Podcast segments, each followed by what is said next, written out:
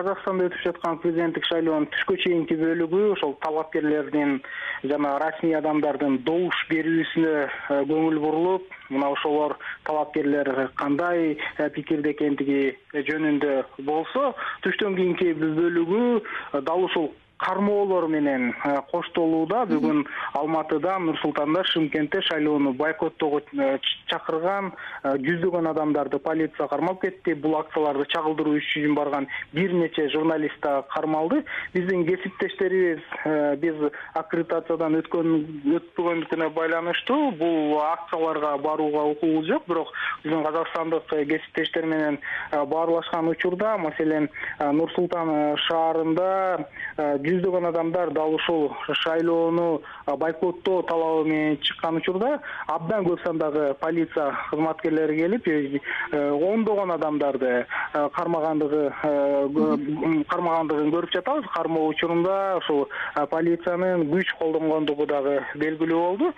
Полицияга кармап жаткан учурда боштондук бойкот деп кыйкыргандар болууда. Ал эми казакстандын ички иштер министрлиги дал ушул нааразылыгы акцияларын бозгондагы э, саясатчы оппозициячыл саясатчы э, мухтар аблязов тарабынан уюштурулгандыгын ал аталган э, адам түзгөн казакстандын демократиялык тандоосу кыймылы бул өлкөдө тыюу салынгандыгын айтуу менен мыйзамсыз талаптарды көтөрүп чыккандыгын айтышууда. Анан дагы бир нерсе мен айтып өтпөдүмбү журналисттер да кармалды депчи маселен бүгүнкү ошо шайлоонун жүрүшүндөгү нааразылык акцияларын чагылдырууга барган азаттыктын казак кызматынын алматыдагы журналисти петр троценко андан сырткары нур султандагы кабарчысы сания тойкен э, полиция бөлүмүнө жеткирилген кийинчерээк троценко бошотулду. Ошону азыркы учурда саат э,